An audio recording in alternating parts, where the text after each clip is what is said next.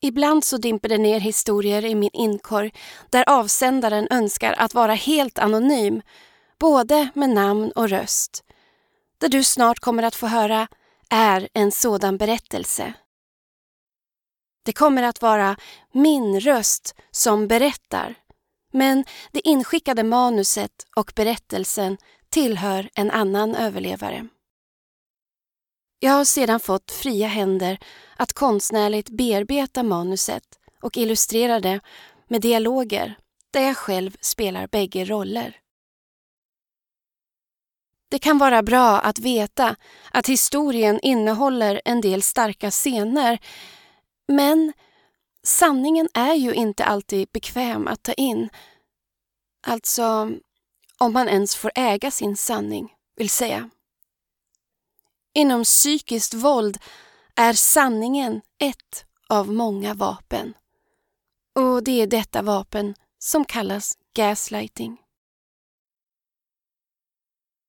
En människa som gaslightar vill antingen driva sitt offer till att börja tvivla på sitt förstånd, känna sig psykiskt sjuk och inkapabel att avgöra vad som är sant och riktigt, eller att först bryta ner och sedan designa om offrets verklighet och självbild så att det är anpassat efter gaslighterens egna motiv och agenda. Ofta en kombination. Gaslighting är, enligt mig, den allra mest skrämmande formen av psykiskt våld. Det är i alla fall kärnan av mina egna trauman och har varit allra svårast att skaka av sig. Eller jag är inte klar med det arbetet och kanske kommer jag aldrig riktigt att bli det. För jag har upplevt trauman men sedan liksom inte fått äga upplevelsen av den eller min roll i dem och inte heller känslorna som det skapat hos mig. När en sanning blivit så pass korrupt att man inte längre kan förlita sig på sin egen verklighetsuppfattning vad har man då att förhålla sig till som människa? Vad är då ens inre kompass om vad som är sant, riktigt och verkligt? Eller vad som känns som ens egen galenskap och något man bara fått för sig eftersom man har blivit programmerad så. Det är inte så konstigt att gaslighting ibland även kallas crazy making. Det är en dold process, en slags hjärndimma som styr vår perception utan att vi är medvetna om det. Eller i alla fall tills vi blir medvetna om det. Det är därför kunskapsspridning är så viktigt för överlevare av gaslighting och psykologisk och narcissistisk misshandel kunskap som leder till att man vaknar upp ur den subtilt påtvingade verklighetsförvanskningen är helt enkelt motgiftet mot gaslighting och psykiskt våld. Om du vill lära dig mer om gaslighting rekommenderar jag mina tidigare avsnitt om just gaslighting som finns lite längre ner på epilogens avsnittslista. Men nu ska vi låta Camilla berätta om hur hon blev gaslightad på ett oerhört kusligt sätt.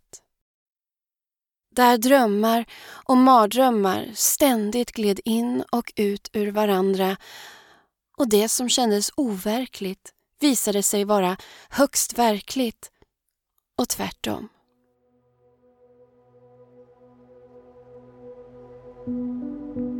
Du lyssnar på Epilogen Podcast jag är Mia Makila och det här är Gaslightad och drogad, Camillas epilog.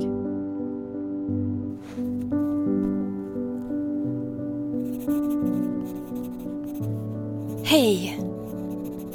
Jag är en tjej i tidiga 30-årsåldern. Vi kan kalla mig Camilla. Jag har lyssnat på alla epilogens avsnitt, gråtit känt igen mig och inspirerats av alla berättelser. Vilka modiga, starka själar, har jag tänkt. Ju mer tiden går, ju mer känner jag hur mitt behov av att prata växer. Jag pratar och berättar min historia för mig själv flera gånger om dagen. Försöker få ihop pusselbitarna. Jag söker någon i min närhet att berätta allt för utan att censurera mig. Och jag har berättat fram till den nivån jag känner att folk klarar av att lyssna och ta till sig. Eller, ja, jag berättar inte sådant som jag själv tror kan väcka allt för starka reaktioner hos andra. Jag vet inte riktigt varför. Antagligen för att jag inte tror mig klara av att hantera det. Eller så skulle allt bli så verkligt genom att se andras reaktioner av mina trauman. Och skammen. Hur som helst gör detta att jag känner mig otroligt ensam emellanåt. Som att ingen egentligen känner mig eller vet vad jag gått och går igenom. Så nu tar jag i alla fall ett nytt steg, om än som anonym, och skriver till epilogen.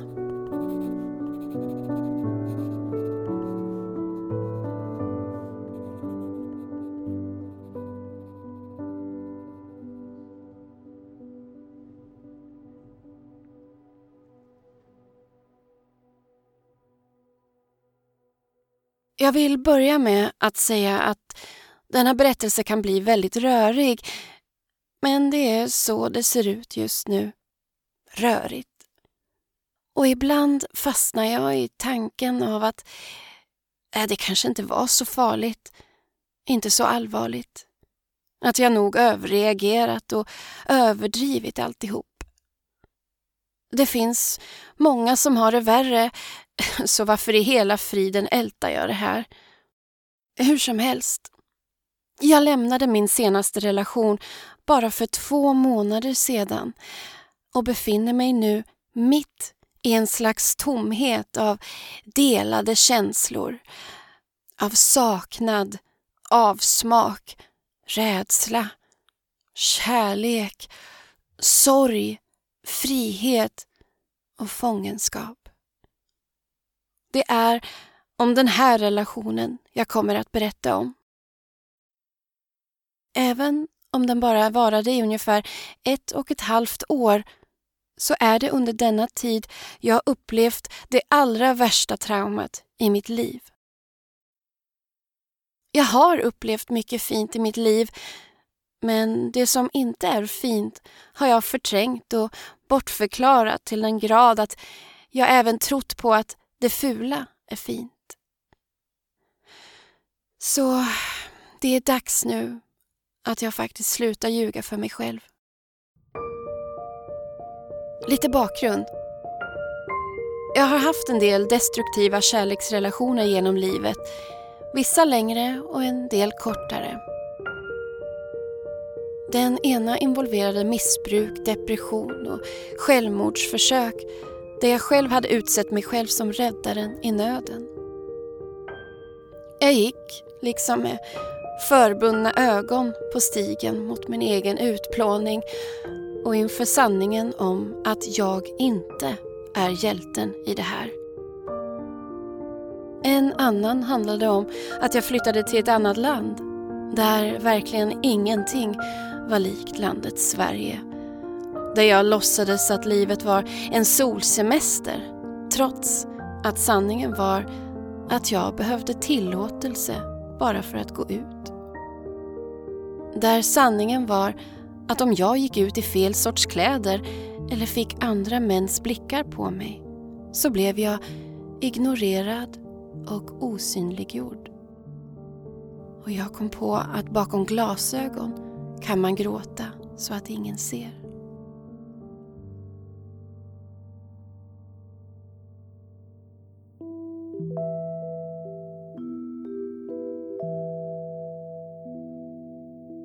Och trots att sanningen var att jag förbrukade min älskade morfars arv på ingenting att jag satt i en tom lägenhet tills jag blev hämtad. Sanningen var att jag trodde på denna kärlek fast jag hela tiden visste om den andra flickvännen. Jag visste ju att det jag ville inte var det han ville. Ja, och så vidare och så vidare. Efter relationerna tagit slut har jag andats ut och tänkt att nu kan jag det här, nu kommer det bara bli bättre. Och så har jag kört på utan bearbetning. Ärligt talat så har jag nog aldrig förstått att det finns något att bearbeta. Har i alla fall inte vetat vad. Jag trodde på det här med att det i alla fall inte kan bli värre. Men det blev värre. Och det var mitt i en mycket turbulent tid i mitt liv. Jag hade några månader innan jag träffade min förövare som vi kan kalla Peter bland annat genomgått en abort vilket påverkade mig oerhört mycket psykiskt. Och när Peter dök upp så fyllde han igen så många hål i mig och detta gick väldigt snabbt.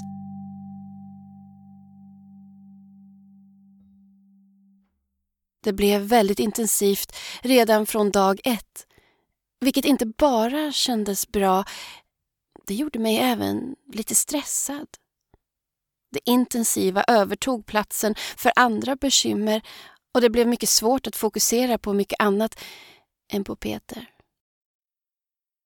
Han sa att det var lite som ödet att vi träffats. Han sa att han visste vad han ville med mig redan innan vi sågs för första gången. Att han visste att det skulle bli vi två, som att vi redan kände varandra.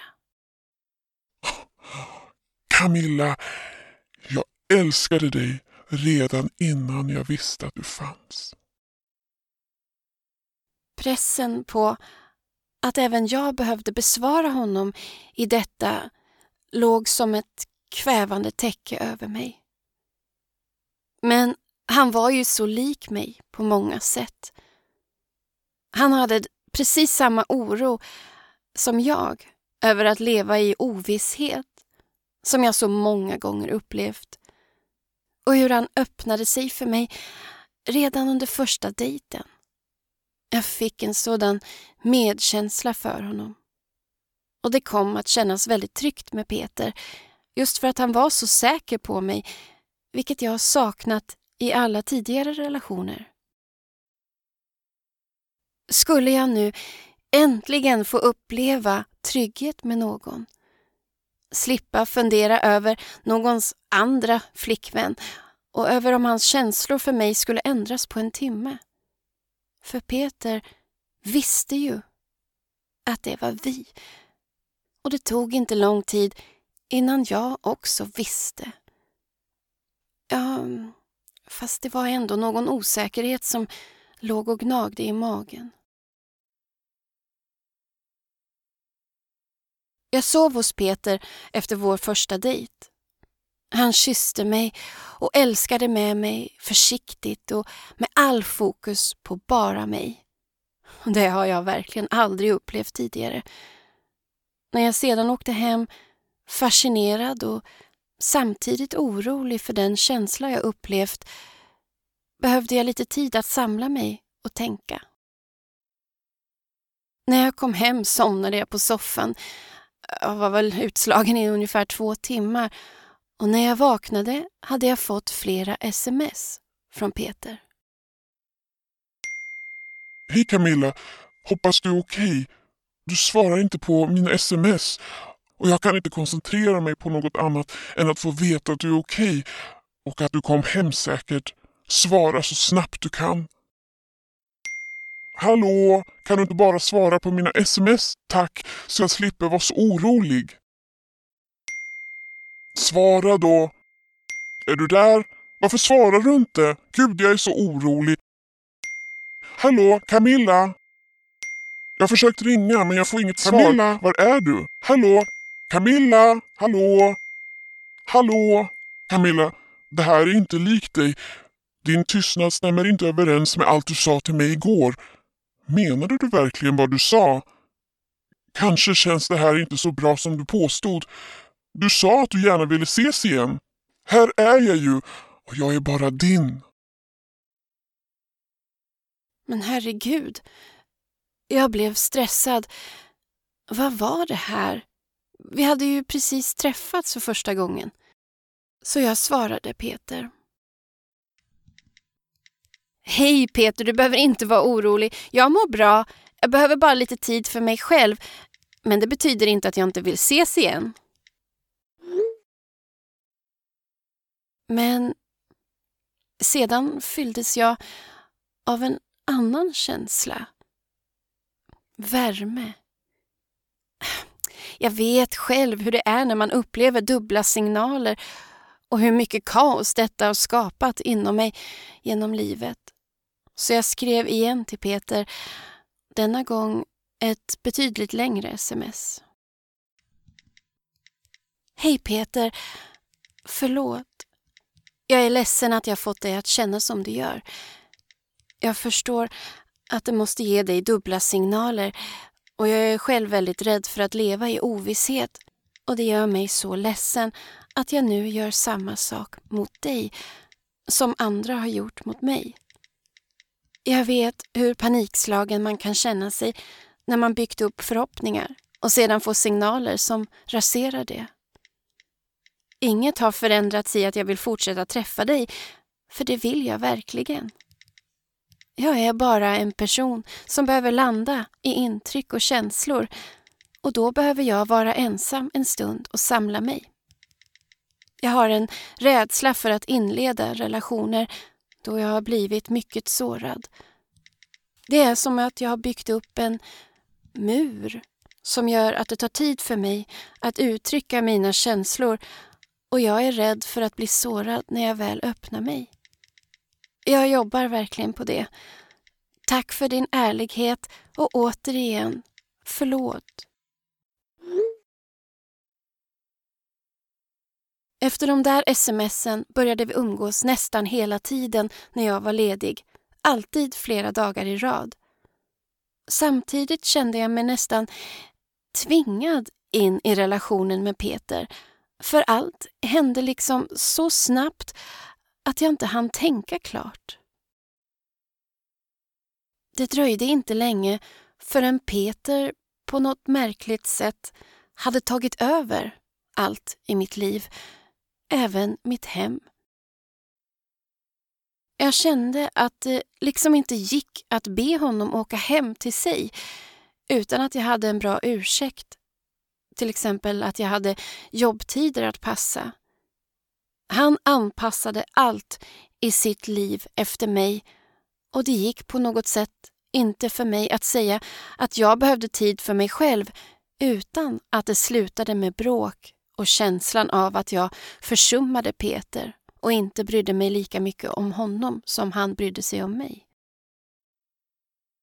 Ibland kunde han skämta på ett olustigt sätt. Vi vet ju båda att jag älskar dig mer än du älskar mig. Eller? Jag vill vara med dig mer än du vill vara med mig. Du vet att jag har rätt. Jag tror att det var något som liknade skuldkänslor som fick mig att inte bara kunna säga att jag behövde någon dag till att kunna vara spontan med vänner eller bara få vara för mig själv. Förklarade jag att jag vill kunna vara spontan med vänner någon gång eller vara själv slutade mycket med att jag fick välja honom eller vännerna eller att jag helt enkelt inte ansträngde mig lika mycket som Peter. Så mycket av livet utanför bubblan med Peter försvann.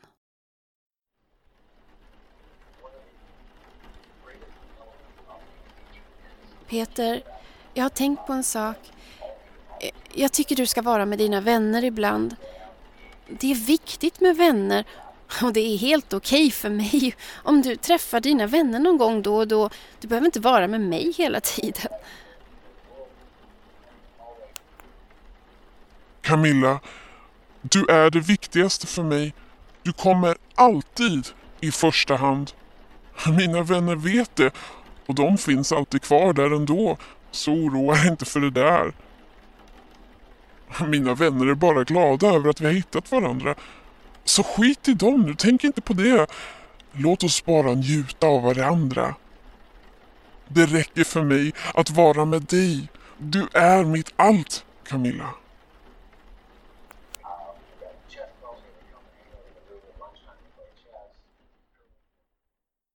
Peters ord gjorde mig både rörd och orolig.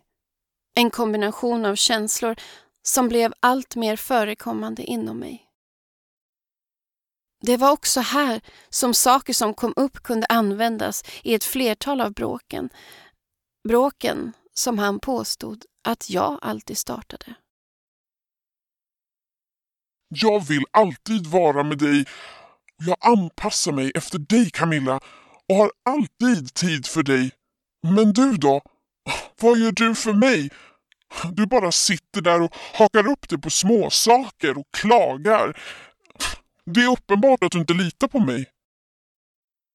Efter bråken, som oftast resulterade i panikattackliknande tillstånd för mig, bad Peter om ursäkt. Du, förlåt. Du har rätt. Det är faktiskt du som gör allt i relationen. Jag bara förstör. Du är värd någon bättre än mig, Camilla.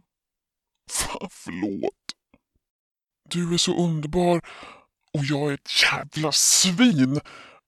Du gör ju allt rätt och jag gör bara allt fel. Hela tiden. Jag är ett svin. Jag är ett svin. Nej, nej, nej, nej, nej, så är det inte. Snälla sluta. Du är underbar. Jag litar på dig. Det gör jag. Du har alltid varit så öppen mot mig. Jag har aldrig sett några tecken på att du skulle kunna... Jag är bara så dålig på att visa att jag litar på dig. Förlåt. Jag mådde otroligt dåligt över att jag fick Peter att må så hemskt. Och hur kunde jag inte visa honom den tillit han förtjänar?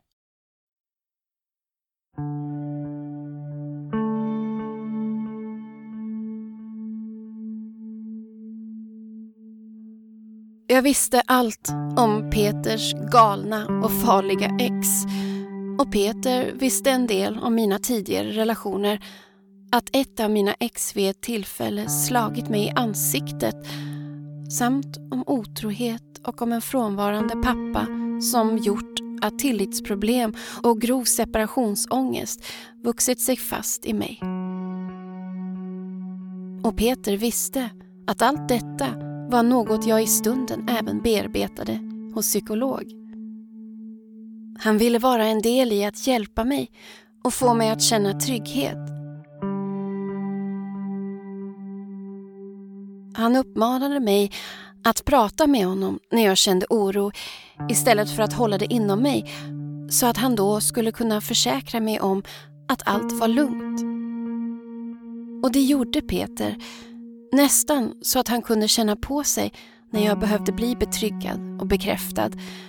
Jag behövde knappt nämna mina hjärnspöken innan Peter jagat bort dem och lämnat mig i en euforisk känsla av lugn. Jag kände att nu kan jag verkligen övervinna mina rädslor. Att jag kan det tillsammans med Peter. Vi var ju ett sånt där klassiskt team som jag trodde bara andra upplevde. Mina hjärnspöken kom inte lika ofta längre och det var skönt för jag kände mig lite som en belastning för Peter även om han hade uttryckt att han gillade att stilla min oro. Att han kände sig åtråvärd då.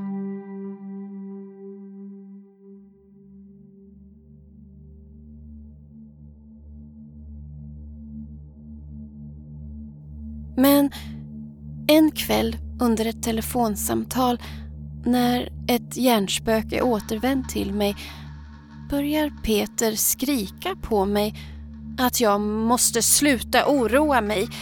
Att det hela tiden är något jag är rädd för och att det är jobbigt för honom.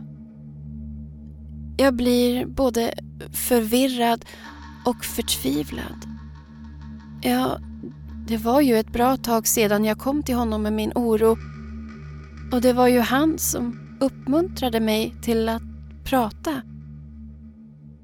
Jag bestämmer mig för att hålla tyst och det dåliga samvetet smärtar. Efteråt ber Peter mig om ursäkt och säger att han vill såklart att jag pratar, att jag måste göra det och att han kommer finnas där för mig.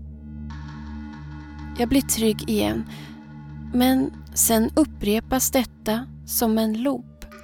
Inte bara i samtal gällande mina tillitsproblem utan gällande det mesta jag tar upp för samtal.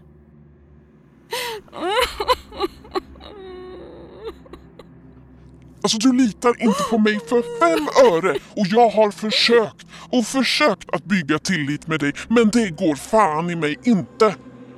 Alltså, jag blir helt trött Camilla. Jag orkar inte med dig mer. Du är omöjlig. Nej, jag, lo jag lovar, jag, jag, ska inte, jag ska inte komma till dig mer. Jag... Du, det här med dina tillitsproblem är för mycket för mig. Jag klarar inte, du litar inte på mig en enda sekund. Förlåt. Peter, stanna. Snälla lämna mig inte. Det, jag, jag, ska, jag ska skärpa mig, jag lovar, jag lovar, jag lovar. Snälla, snälla, snälla, snälla, bara... Jag lovar Titta att jag ska på dig skärpa själv. mig. Du är fan patetisk.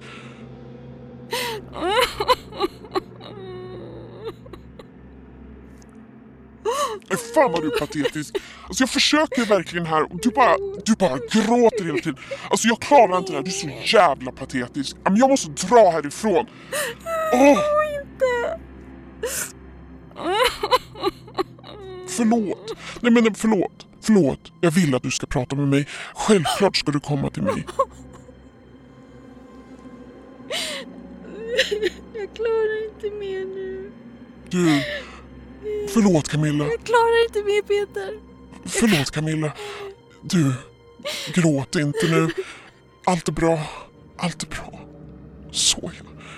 Kom här. Allt är bra. Såja. Förlåt. Jag vet inte vad som är fel på mig. Jag brukar inte vara så här i relationen. Jag har bara så svårt att lita. Förlåt.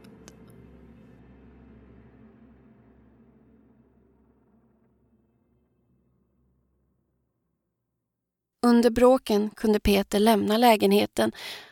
Kvar låg jag och skakade i fosterställning. Ja, om jag inte skrek och bad honom att stanna, som jag gjorde ibland. Det triggade gamla sår från obearbetade separationer som revs upp, nästan som om jag kunde känna hur jag förblödde inifrån.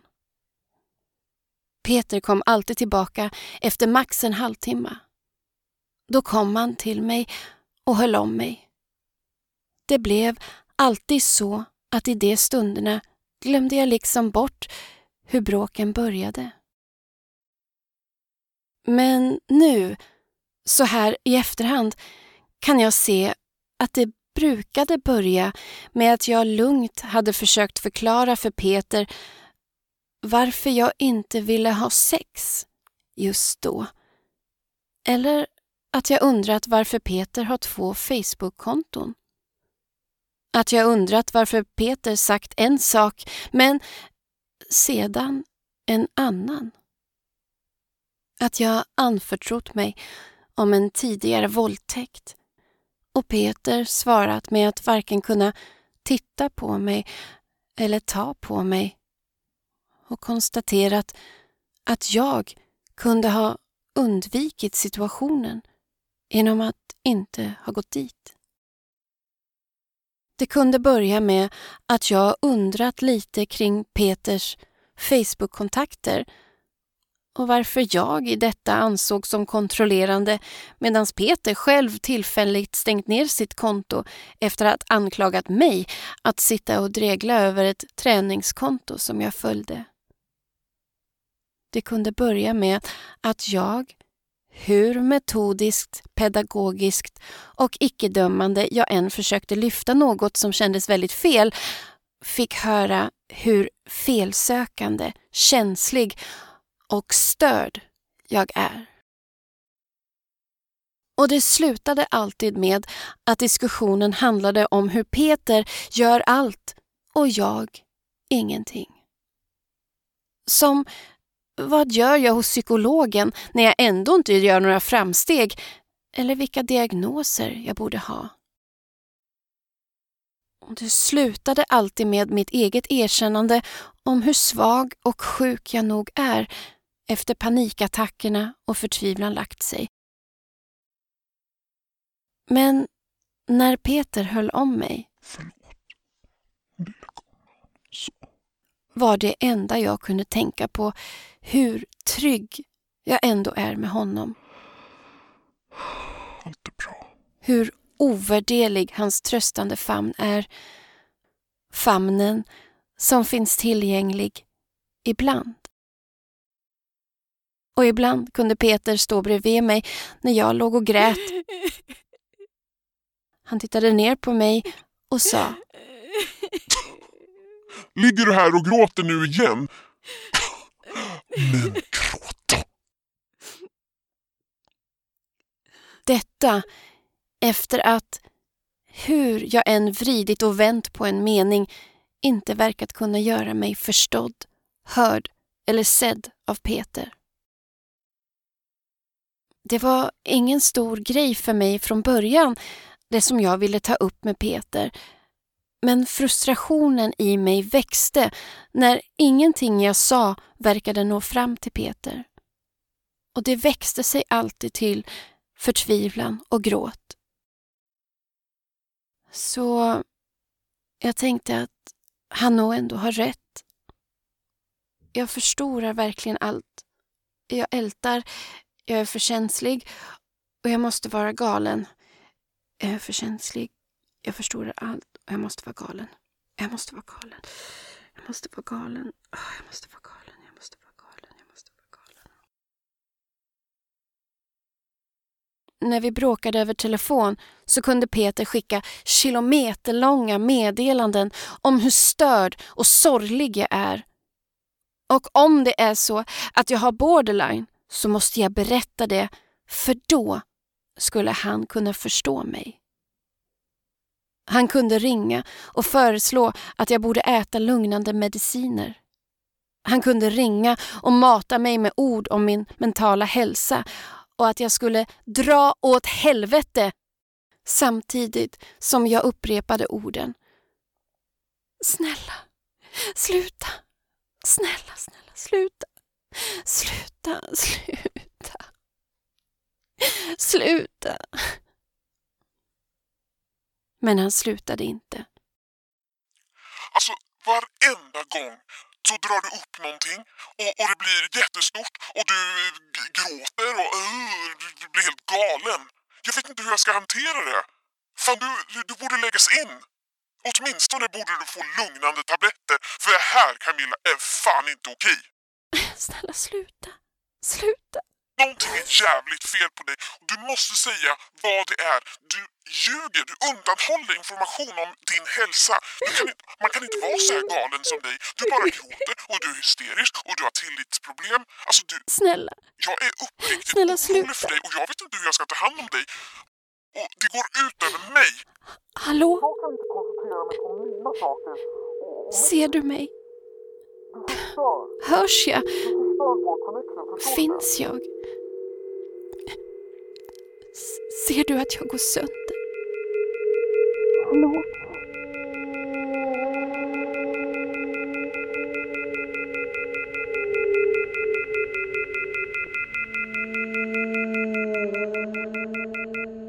Jag visste inte hur jag skulle hantera det som hände inom mig själv.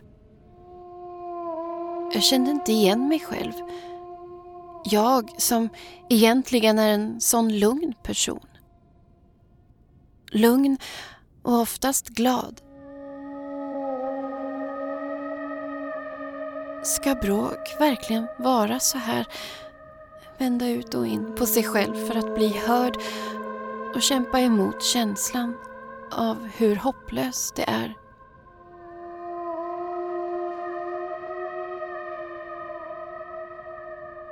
Två gånger skar jag mig med en rakhyvel. Bara för att känna att jag existerar. Skämdes ögonen ur mig efteråt. Detta är inte jag.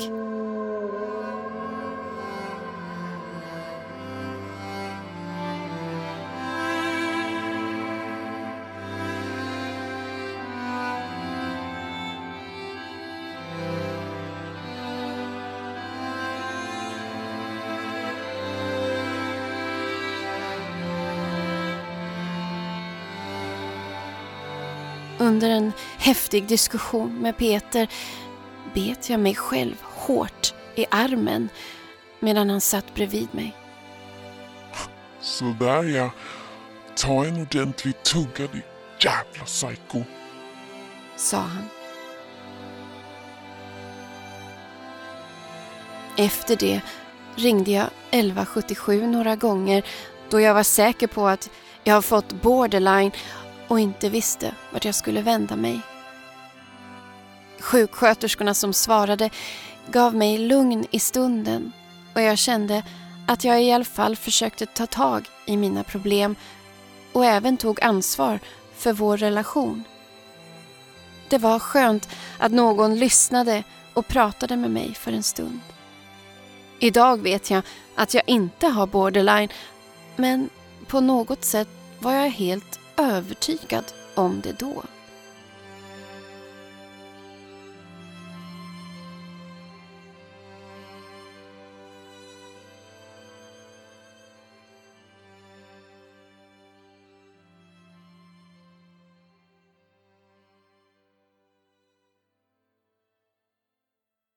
Ja, allt var så konstigt. Jag började även göra saker i sömnen. Ja, om man ska tro på hur Peter förklarar det, alltså. Ibland vaknade jag av att jag hade sex med Peter.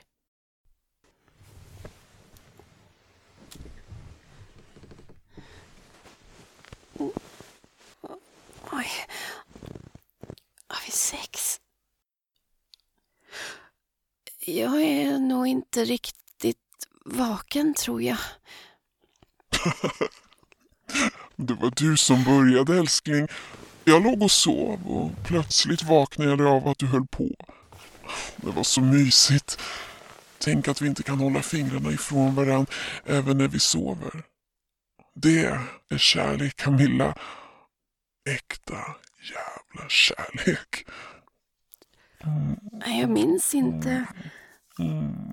Känns lite konstigt att inte minnas.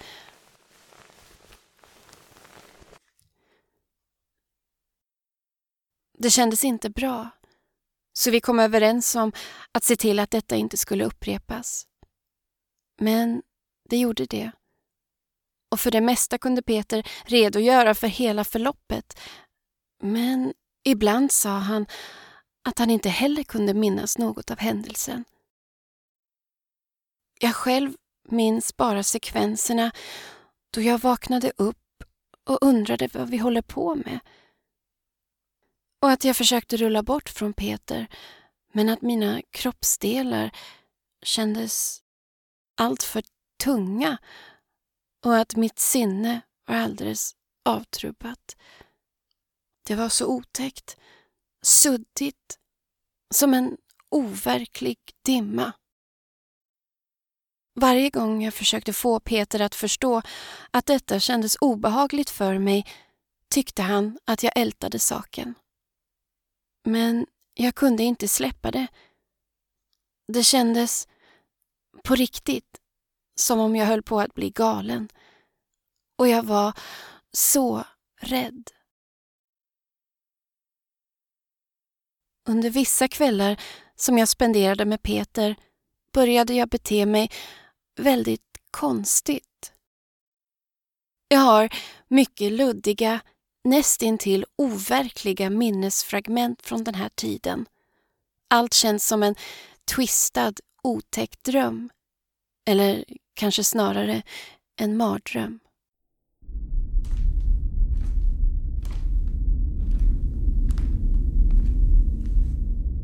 Jag är på väg till badrummet när det plötsligt gungar till. Usch, oj, jag känner mig visst lite yr, säger jag till Peter. Allt ser så konstigt ut. Som om flera verkligheter överlappar varandra. Jag ser dubbelt. Eller, nej, trippelt. Svårt att avgöra, men det är besvärligt att försöka navigera fram till badrummet. Är nära på att snubbla över saker på vägen.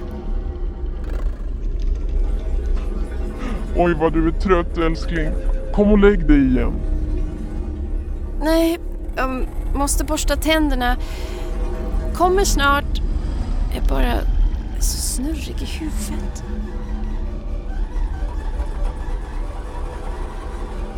Allting gungar. Men där, där är i alla fall badrumsdörren. Gud, så skönt. Men jag missar dörren och går rakt in i väggen. Au. Shit.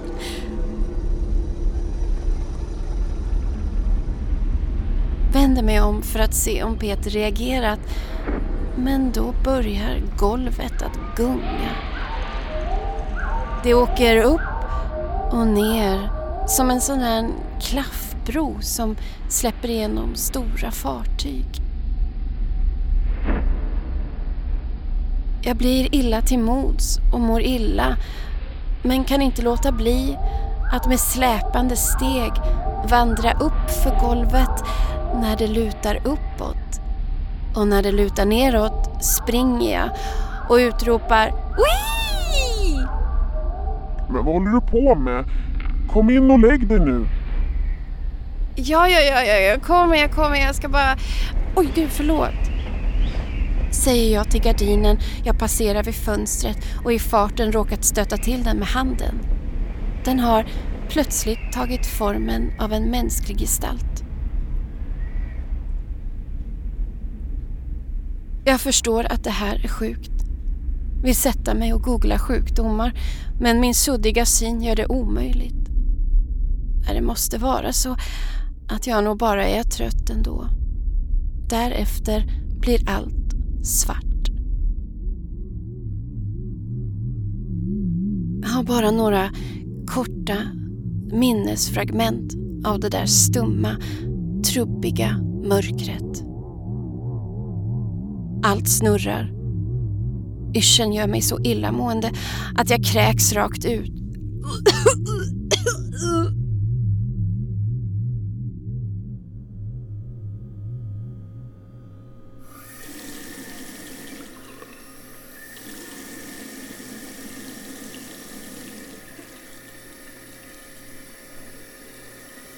Det är sen kväll igen och jag står framför badrumsspegeln. Men känner mig så konstigt tung och avtrubbad i kroppen.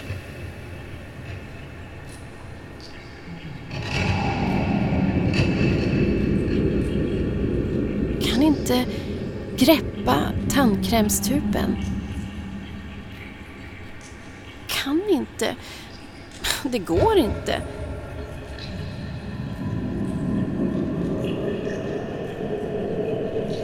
Han liksom tappat bort motoriken.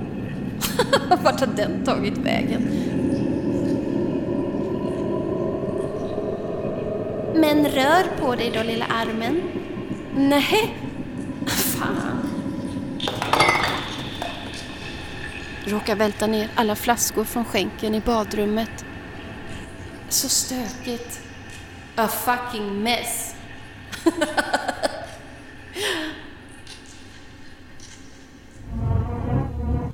är det här?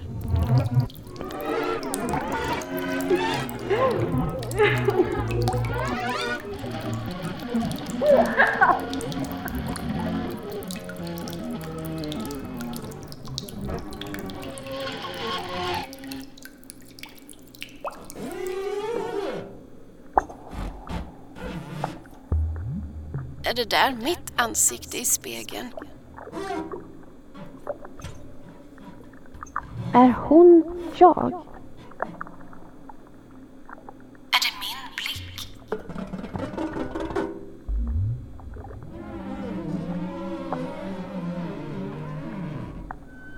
Hallå? Hallå? Hallå, jag... Yes, yes, hello, it's me.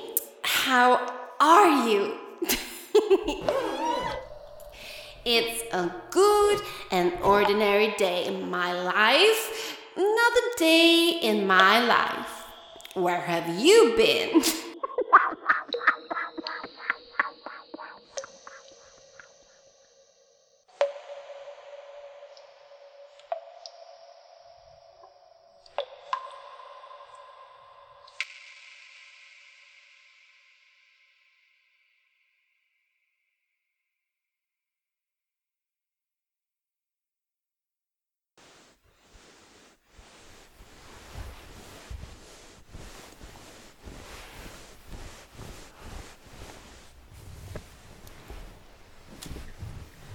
Några gånger vaknar jag av att vi har sex. Andra nätter vaknar jag med känslan av att vi har haft sex, men eh, som i en dröm. Allt det här var så mardrömslikt. Att inte minnas, att inte veta vad som var verkligt och vad som endast var en produkt av min egen sjuka hjärna. Det enda rimliga var att jag har fått en mindre stroke eller psykos, tänkte jag då. Tanken på att jag skulle ha fått i mig någon drog fanns inte i min världsbild då. Varför skulle den? Även om jag troligen aldrig kommer få det bevisat att Peter drogade mig så förstår jag nu att det var så. Men jag blundade för det då, ville inte se det. Jag tror det var Solpidem, en sömnmedicin. För sådana hade Peter. Och biverkningarna stämmer. Stark sömnighet, minnesförlust som kan medföra olämpligt beteende, vanföreställningar, verklighetsförlust, svårigheter att tänka och göra klara bedömningar, hallucinationer, mardrömmar, yrsel, svindel, illamående, kräkningar, en känsla av nedstämdhet, förvirring, dimsyn. Och så våldtäkterna och all jäkla gaslighting ovanpå det. Det var en cocktail av mind games. Jag hade ingen chans att hålla kvar min egen verklighetsuppfattning. Inte en chans.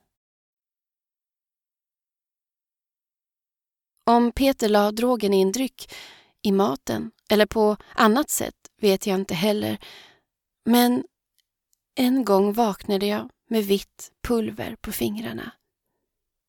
Direkt när jag upptäckte det rusade jag in på toan och tvättade bort det i total chock.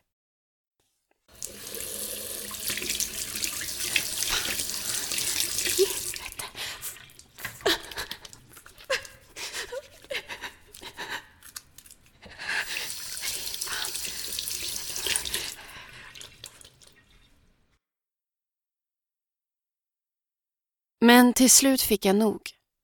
Att om och om igen vakna upp och märka att någon annan tagit sig rätten över min kropp. Nej, fy fan. Det fick mig till slut att lämna och aldrig komma tillbaka. Men det var svårt att lämna.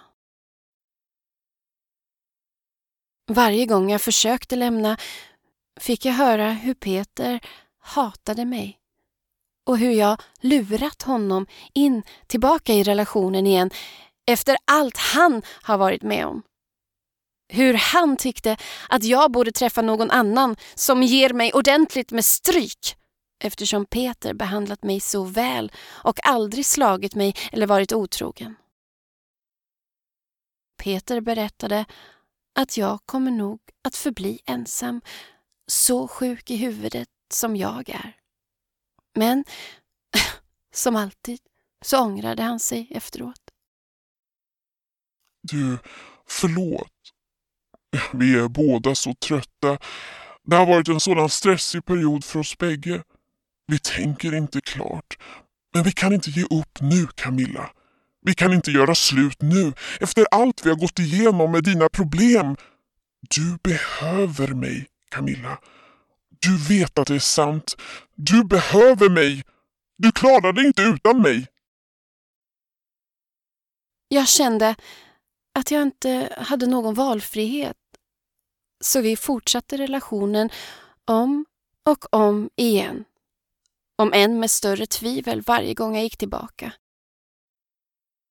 Peter var såklart underbar i perioderna mellan uppbrotten. Han gjorde faktiskt allt för mig som ingen tidigare gjort utan att jag behövde be om något.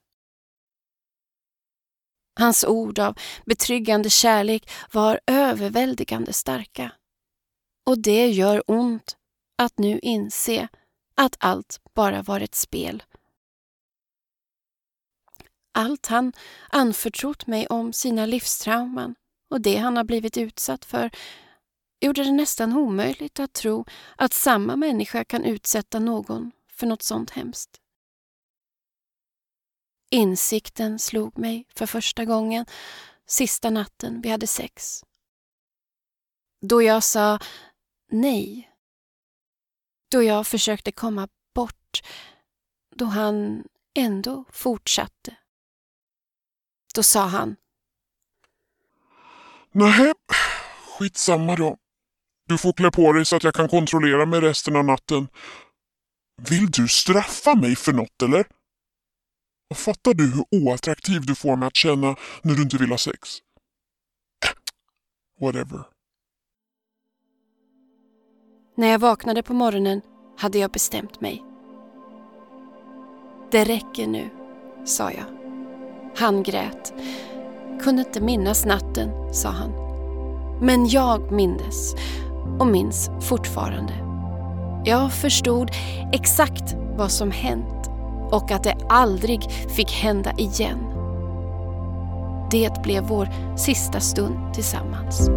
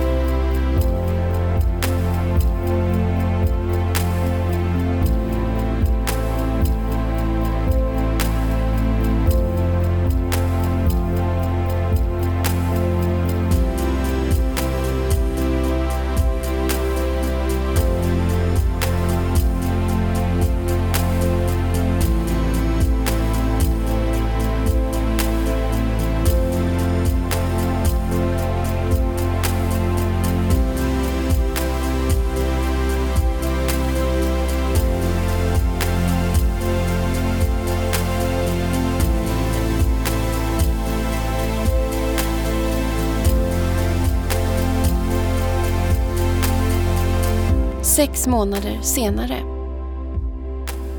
Det har nu gått sex månader sedan jag skickade in min historia till Mia och epilogen. Då var jag i ett desperat behov av att försöka sätta ord på vad jag varit med om och förstå det. Samtidigt som hela mitt väsen var nere i ett djupt förnekande. Jag visste i teorin vad som hade hänt. Att det var fult och hemskt och fel. Men det sjönk inte in i själen. Så hur kan detta vara sant? Och nog kände jag mig lite som förrädaren och den stora megabluffen som satt där och skrev. Som att jag skrev om någon annans liv. För sex månader sedan trodde jag aldrig att jag skulle vara där jag är idag. Jag kan nog säga att jag idag äger min historia. Och det finns inget i mig som förnekar det som hänt. Han har försökt kontakta mig ett par gånger, gett falska dödsbesked och skickat sms med självmordshot. Men jag har bara ignorerat.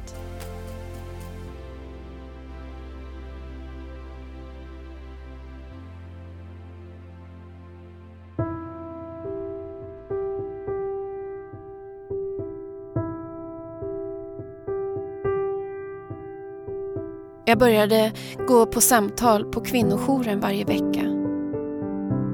Jag fylls av både sorg och hopp varje gång jag går därifrån. En sådan värme, kunskap och vilja det finns att hjälpa. Där får jag älta och inget jag säger upplevs som konstigt. Jag får ord satta på saker och jag får prata om att jag blivit mörkrädd.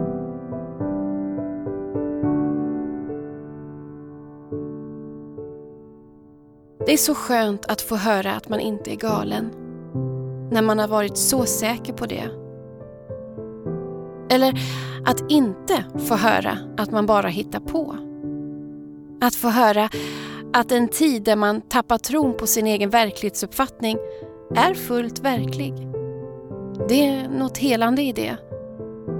Smärtsamt, men helande och hoppfullt.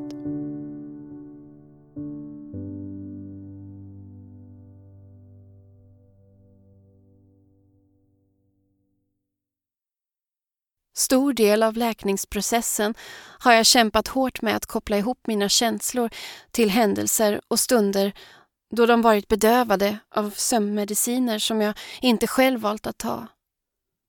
Så jag har strävat efter att verkligen förstå sanningen. Och jag är väl så gott som där tycker jag genom samtalen hos kvinnojouren och mina psykologsamtal inriktat på PTSD. Och genom att se sorgen i min bästa väns ögon när jag valde att till slut berätta att jag blev fråntagen rätten till min egen kropp. Rätten till att kunna agera och skydda mig själv. Det hände. Det hände på riktigt och inte bara i mitt huvud. Min verklighet blev korrupt av någon annans mind games och av den hemliga drogen i mitt system. Liksom många andra överlevare har jag googlat och sökt mig till olika forum i jakten på svar. Där har jag upptäckt att det finns allt för många andra som delar snarlika historier som min egen. Med den här epilogen hoppas jag ändå att jag kan ge er som upplevt liknande trauman en strimma av hopp och känsla av att ni inte är ensamma. Om än så för en liten stund.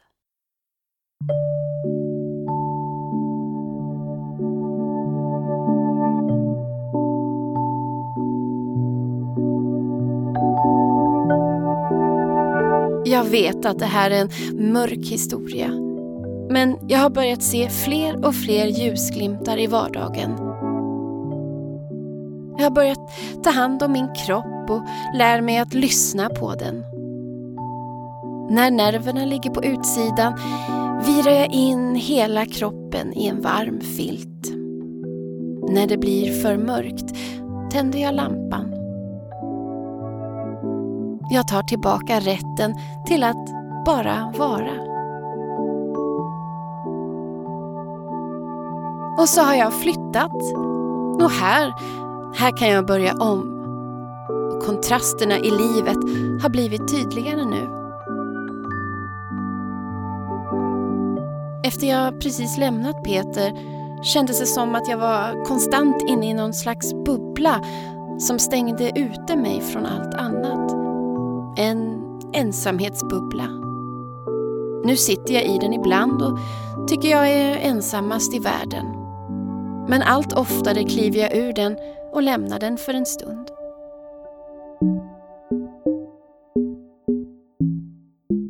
Jag vill bryta mönster och jag är redo att göra vad som krävs. Att gräva i alla inre skrymslen och vrår för att komma fram till att jag förtjänar bättre. Att koppla kärlek till något vackert.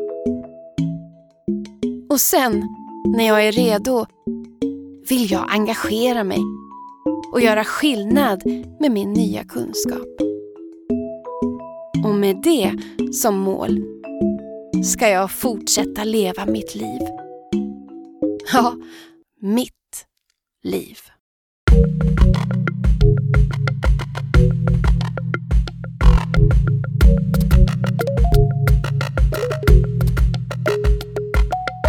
Du har lyssnat på Epilogen Podcast. Tusen tack till dig Camilla för din starka berättelse. Vilken seger att du nu äger din verklighet och sanning och med öppna ögon kan urskilja vad som är vad. Vad som är verkligt och vad som är någon annans manipulation. Vad som är kärlek och vad som är psykiskt våld. Det du överlevt är en mardröm som ingen ska behöva uppleva och som ingen ska kunna få lov att utsätta andra för. Därför är ditt bidrag till kunskapsspridningen om gaslighting, komplexa sexuella trauman och subtil manipulation så viktig. Jag som producerar Epilogen Podcast heter Mia Makila och är konstnär. Mer info om mig och podden finns på miamakila.com. Samtliga roller i den här epilogen spelade jag själv. Musik och ljud i avsnittet är poddsäkert. Mer info finns i avsnittsbeskrivningen. Vill du kontakta mig, skicka mejl till epilogenpodcast gmail.com. Tack för att du har lyssnat.